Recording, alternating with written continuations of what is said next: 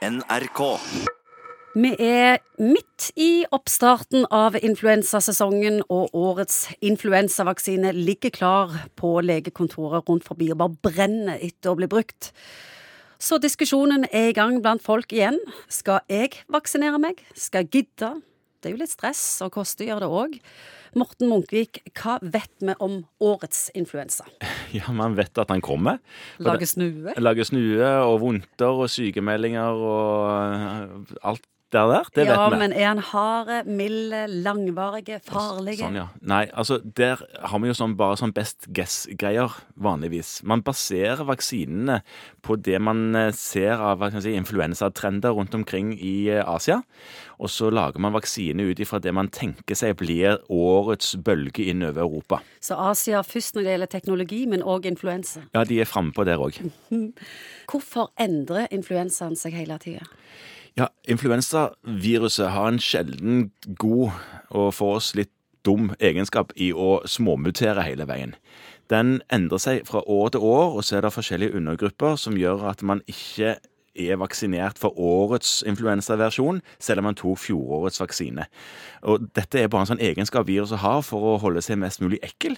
For det er jo det jobben til viruset er, det er å klare å overleve og stå imot våre Immunforsvar. ja, våre immunforsvar og våre ellers på en måte angrep mot dette viruset.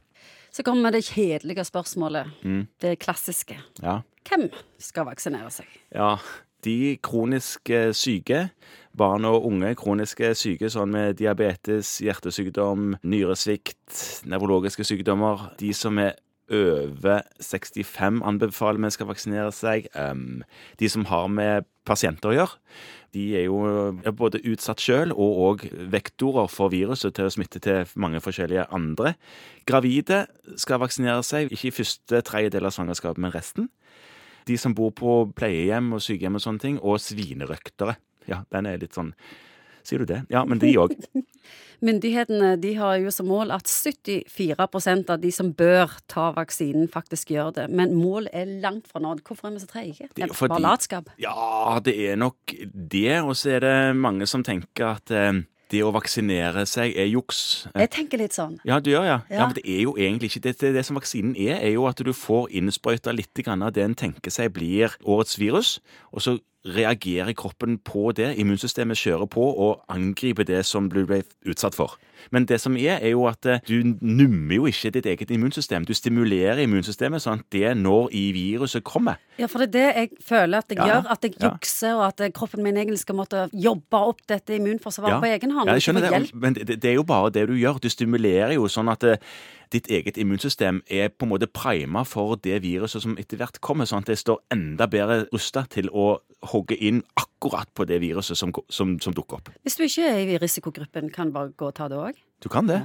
Det går an å betale og komme og sette influensavaksine. Snaut 200 vanligvis. Må du til legen, eller kan du gjøre det på apotek? Ja, vet du hva? Eh, Det er artig du spør. Eh, Jeg tror kanskje noen apotek tilbyr dette her, men vi liker jo å ha kontrollen over hvem som setter og hvem som ikke setter på legekontoret, sånn at eh, vi anbefaler jo å komme på legekontoret og gjøre det. Hvis du er en frisk og rask person som ikke er i risikogruppen, ikke vil ta influensavaksine, men går blant kolleger som hoster og harker og småbarn, hva er ditt beste råd? Pass på hygienen, ikke host i hånden din og ta andre kollegaer i hånden. Utrolig så mange som hoster i hånda og tror det er lurt. Sant? Og det, Verste plassen du kan hoste, hvis du ja, tenker deg om. Ja, det er det. Og hvis du gjør det, så vask deg etterpå og sprit deg, men host i armhulen, eller Ja, ikke armhulen, hva Nei, heter det? albuen. Ja. Host i albuen, sånn, sånn at du ikke sprer driten i alle fall rundt deg. Så kan du prøve å hoste. Ja. Prøve å hoste i armhulen. Ja. Jeg tror ikke det er så lurt.